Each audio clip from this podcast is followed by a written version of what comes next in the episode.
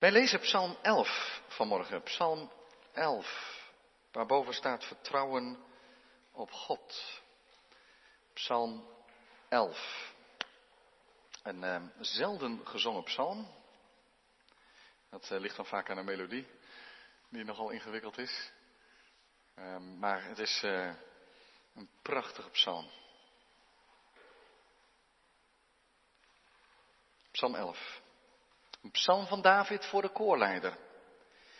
Ik heb tot de Heere de toevlucht genomen. Hoe kunt u dan zeggen tegen mijn ziel, vlucht weg naar uw bergen als een vogel? Want zie de goddelozen spannen de boog. Zij leggen hun pijlen op de pees om in het donker te schieten op de oprechten van hart. Voorzeker de fundamenten worden omvergehaald. Wat kan de rechtvaardige dan doen? De Heere is in zijn heilig paleis. De troon van de Heere staat in de hemel. Zijn ogen doorzien, zijn blikken beproeven de mensenkinderen. De Heere beproeft de rechtvaardige, maar zijn ziel haat de goddeloze en wie geweld lief heeft. Hij zal op de goddelozen valstrikken, vuur en zwavel doen regenen. Een verschroeiende stormwind zal het deel van hun beker zijn. Want de Heere is rechtvaardig. Hij heeft rechtvaardige daden lief. De oprechten zullen zijn aangezicht aanschouwen. Tot zover lezen we Gods woord voor deze dienst. Zalig zijn zij die het woord van de Heere horen en geloven en daaruit leven. Amen. Tekst voor de prediking is deze psalm. En in het bijzonder daarvan het eerste vers. Ik heb tot de Heere de toevlucht genomen. Hoe kunt u dan zeggen tegen mijn ziel, vlucht weg naar uw bergen als een vogel? Psalm 11 vers 1. Gemeente van onze Heer Jezus Christus, broeders en zusters, jongens en meisjes, hier in de kerk en ook thuis. Wat doe je als er opeens acuut gevaar dreigt?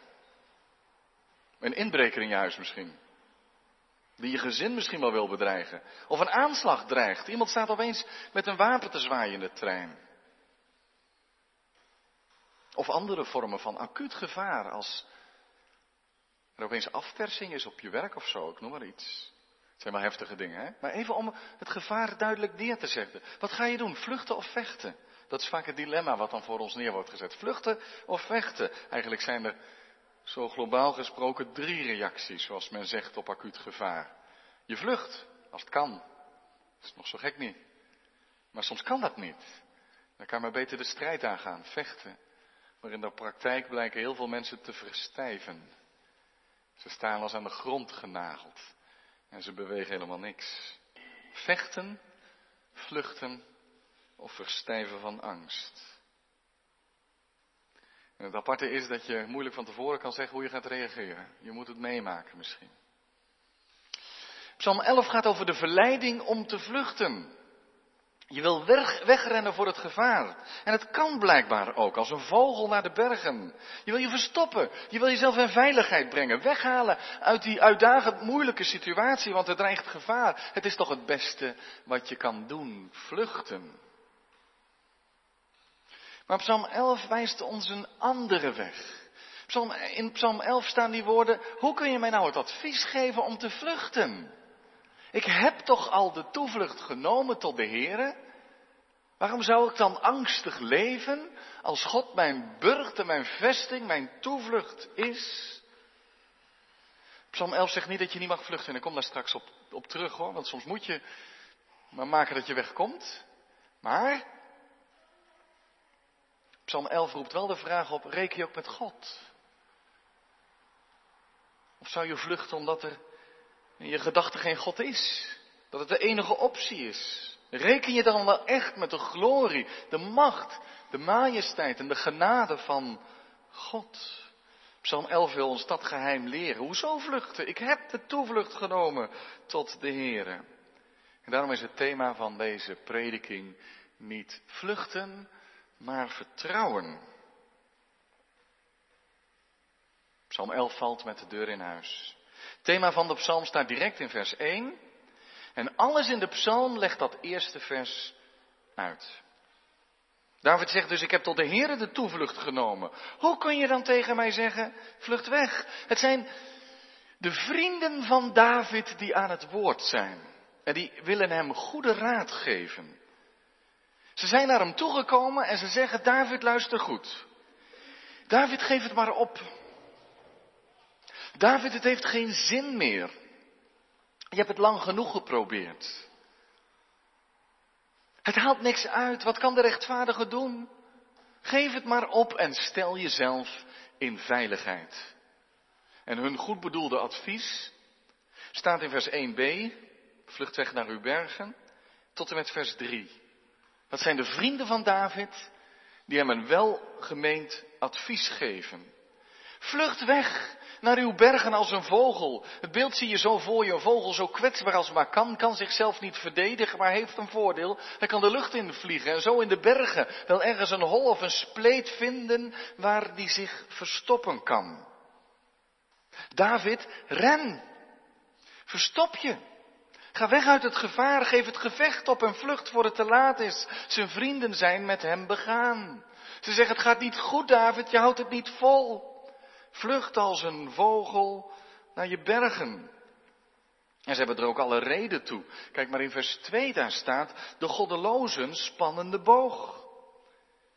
Ze leggen hun pijlen al op de pees, ze spannen al aan om in het donker te schieten op de oprechten van hart.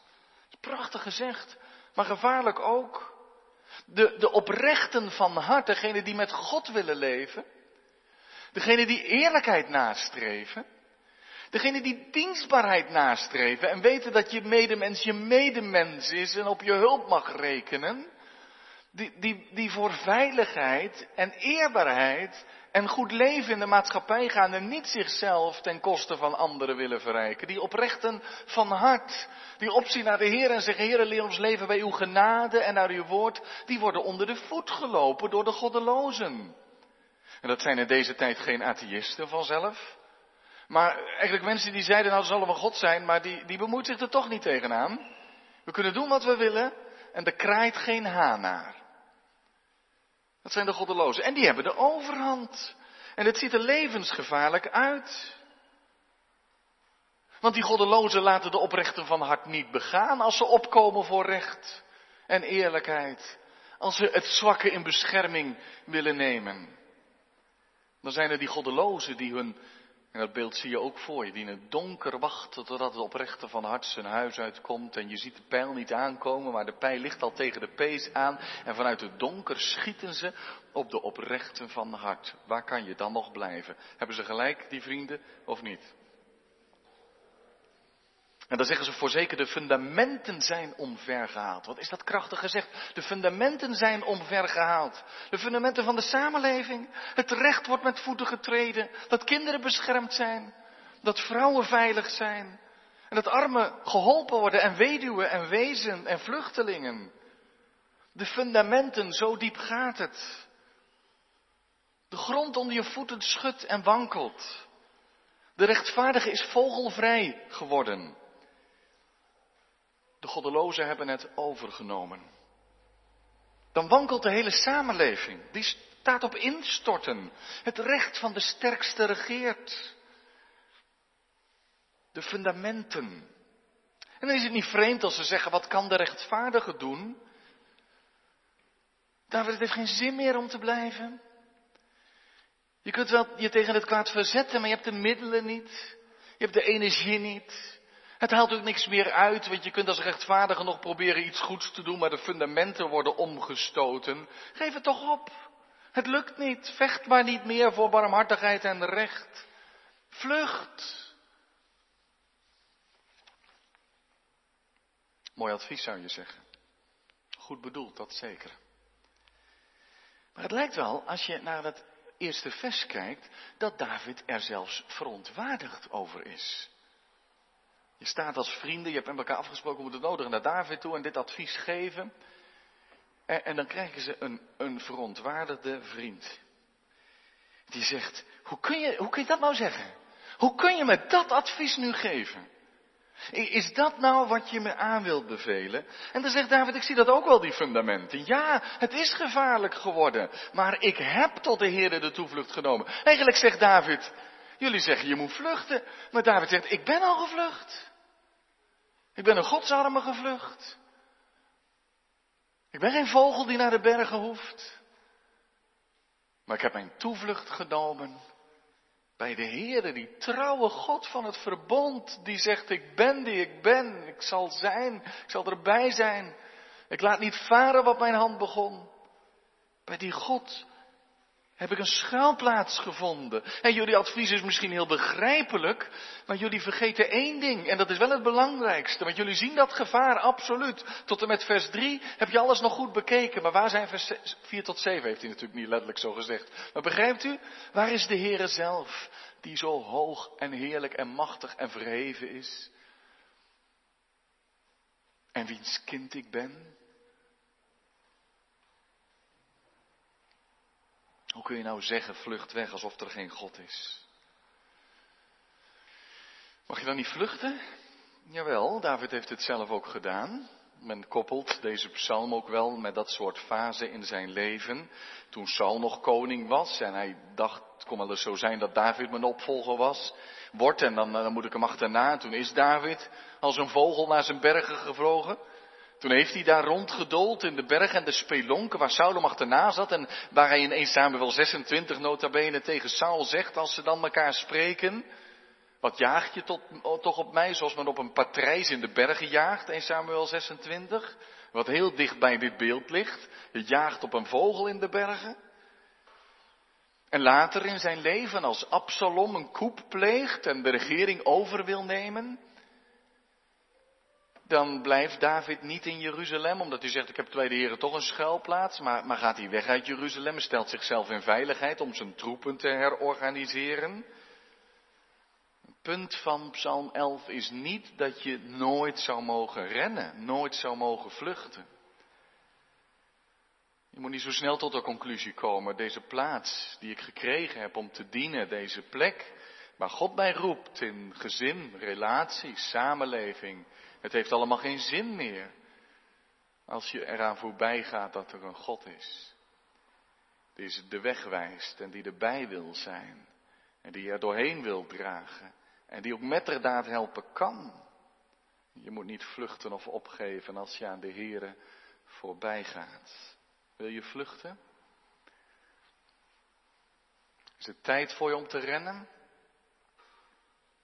Je roeping inleveren? Je taken neerleggen? Je positie opgeven? Vluchten als een vogel naar de bergen? Ben je moedeloos? Wellicht heb je er alle reden toe. De fundamenten gaan omver. In de samenleving. Wat goed is, wordt soms kwaad genoemd. En wat kwaad is, wordt goed gepraat. Het is eng. Het wordt een enge samenleving. Als het geen moreel kompas meer heeft. Zonder geloof in God gaat het niet de goede kant op. Is het ongeboren leven niet veilig? Dan wordt de waarde van een mensenleven in economische termen uitgedrukt, in zorg. En ik begrijp de moeite, ik wil er niet makkelijk over doen. Maar als God verdwijnt en zijn woord vergeten wordt, wat is dan het kompas? Gaan dan de fundamenten niet omver? In de samenleving zei ik, maar het kan ook in je persoonlijk leven zijn. De fundamenten gaan om, de grond onder je voeten dreigt weg te zakken. Je wil weg, je vindt geen houvast meer. Je wankelt. Je wil afstand nemen. En begrijp me goed, ik zeg het nogmaals, vluchten is niet verboden. Er kan een tijd zijn dat je wat afstand moet nemen. Er kan een tijd zijn dat je wel eens een, een roeping op moet geven. Maar begrijpen we in ieder geval de verontwaardiging van David in dat eerste vers? Die zegt, je mag me alle adviezen geven die je wilt. Maar, maar buig dan eerst je knieën voor deze God. Voor de levende. De trouwe God.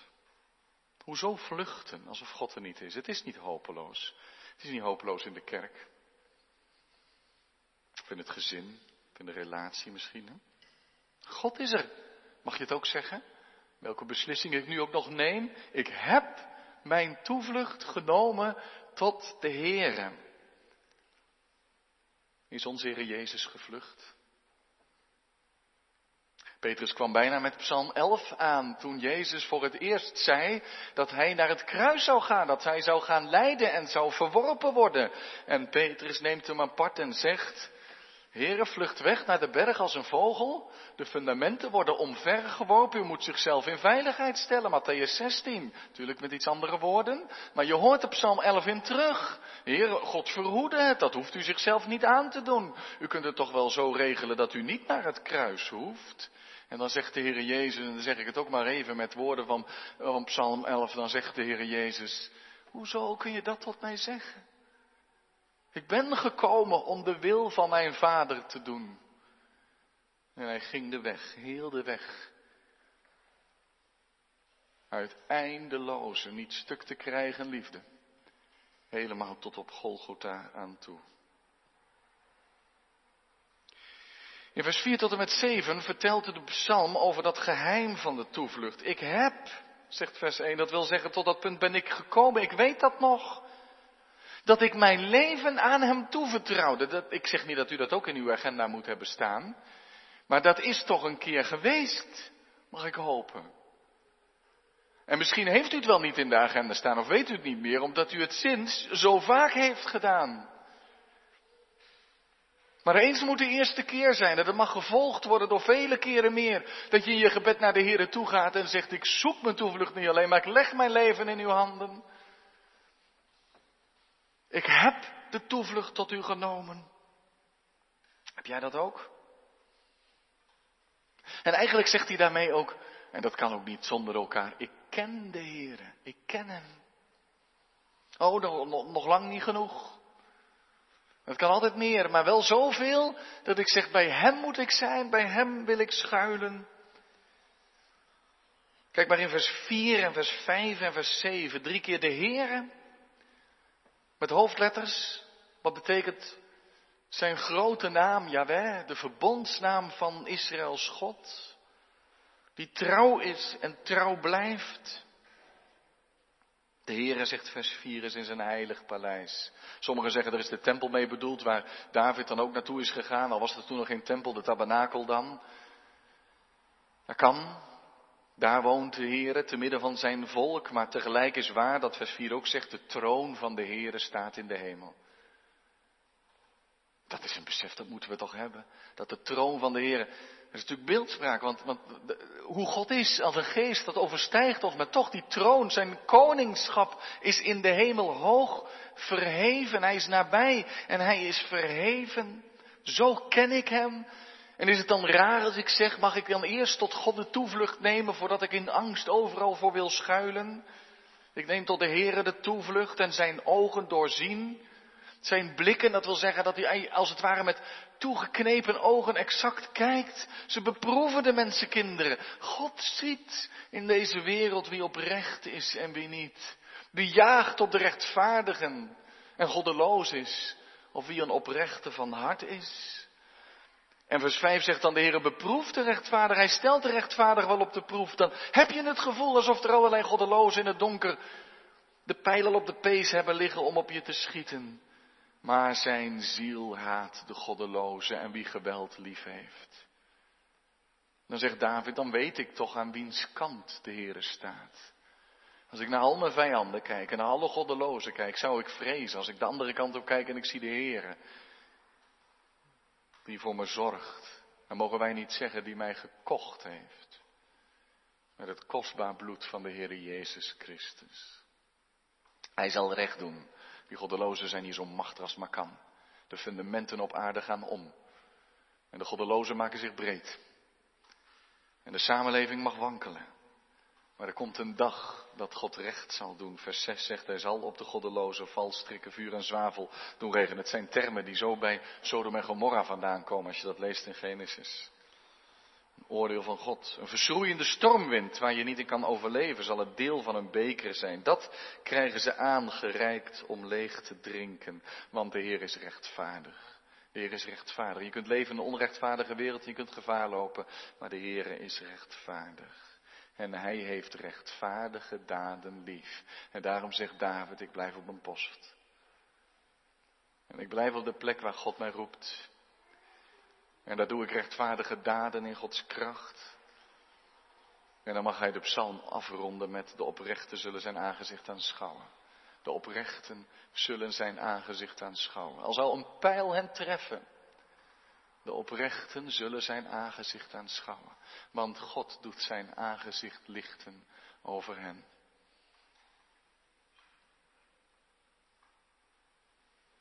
Dat is het geheim van het geloof. Herken je dat? Dat je God niet alleen maar van horen zeggen kent, maar dat je zelf de toevlucht bent gaan nemen. Want als je verder over, je kunt heel makkelijk over vertrouwen praten, totdat de pijl, de, pijl op de boog ligt, begrijp je? Zeg, ja, we moeten God vertrouwen, totdat het opeens angstig wordt in je leven. En dan komt het erop aan. Als je dan de Heer mag kennen, mag je zeggen, nou hoe, hoe dan ook. Hij is erbij. Hij laat mij niet vallen. Vertrouwen betekent hem geloven en kennen. Je hebt tot hem de toevlucht genomen. Je doet dat steeds weer. Hij, de Vader van onze Heer Jezus Christus. Die zijn leven gaf voor zondaars. Oh, dan, dan zegt het Nieuwe Testament nog net iets meer dan hier. Dan, dan leren we in het Nieuwe Testament, zeker in de brief aan de Romeinen, dat we allemaal schuldig staan voor God. En dat het niet genoeg is om te zeggen, nou de oprechte kan gemakkelijk wel voor God verschijnen. Dan, dan, dan blijkt de oprechte diegene te zijn die zegt, oh God, wees mij zondaar genadig. Dan mag ik leven vanuit uw genade. Het bloed van Jezus Christus, Gods Zoon, reinigt van alle zonden. Ik heb tot de Heer de toevlucht genomen. Hij is mijn schild, mijn fundament. Al zijn de fundamenten aangetast. De rots waarop ik sta. En in het avondmaal bij brood en wijn, waar we mogen proeven de genade en de overvloed van God in Jezus Christus en door de Heilige Geest, dan mogen we dan opnieuw een toevlucht vinden. Dan mag je deelnemers ik heb tot hem de toevlucht genomen. Hij is mijn schild. En nu mag ik proeven dat te midden van het strijdperk van dit leven, in de chaos, in het gevaar wat dreigt, in de weg die te gaan is, dan mag ik schuilen bij hem. En daarvoor is Tafelmaal ook, om dat geloof te versterken. Dan fluistert hij u vanaf zijn heilige troon in. En ik ben met je. En Jezus zegt, ik ben met u al de dagen. Want mij is gegeven alle macht in hemel en op aarde. Ik ben met je alle dagen tot de voleinding van de wereld. Oh, dan zul je mijn aangezicht aanschouwen, zegt hij. Ook dat wordt onderstreept in het avondmaal. Je zult mijn aangezicht aanschouwen. Blijf maar de goede strijd strijden in geloof. Want Gods kinderen komen thuis. Ze leven hier met een troon in de hemel. De geest in hun hart onder leiding van de heiland. Amen.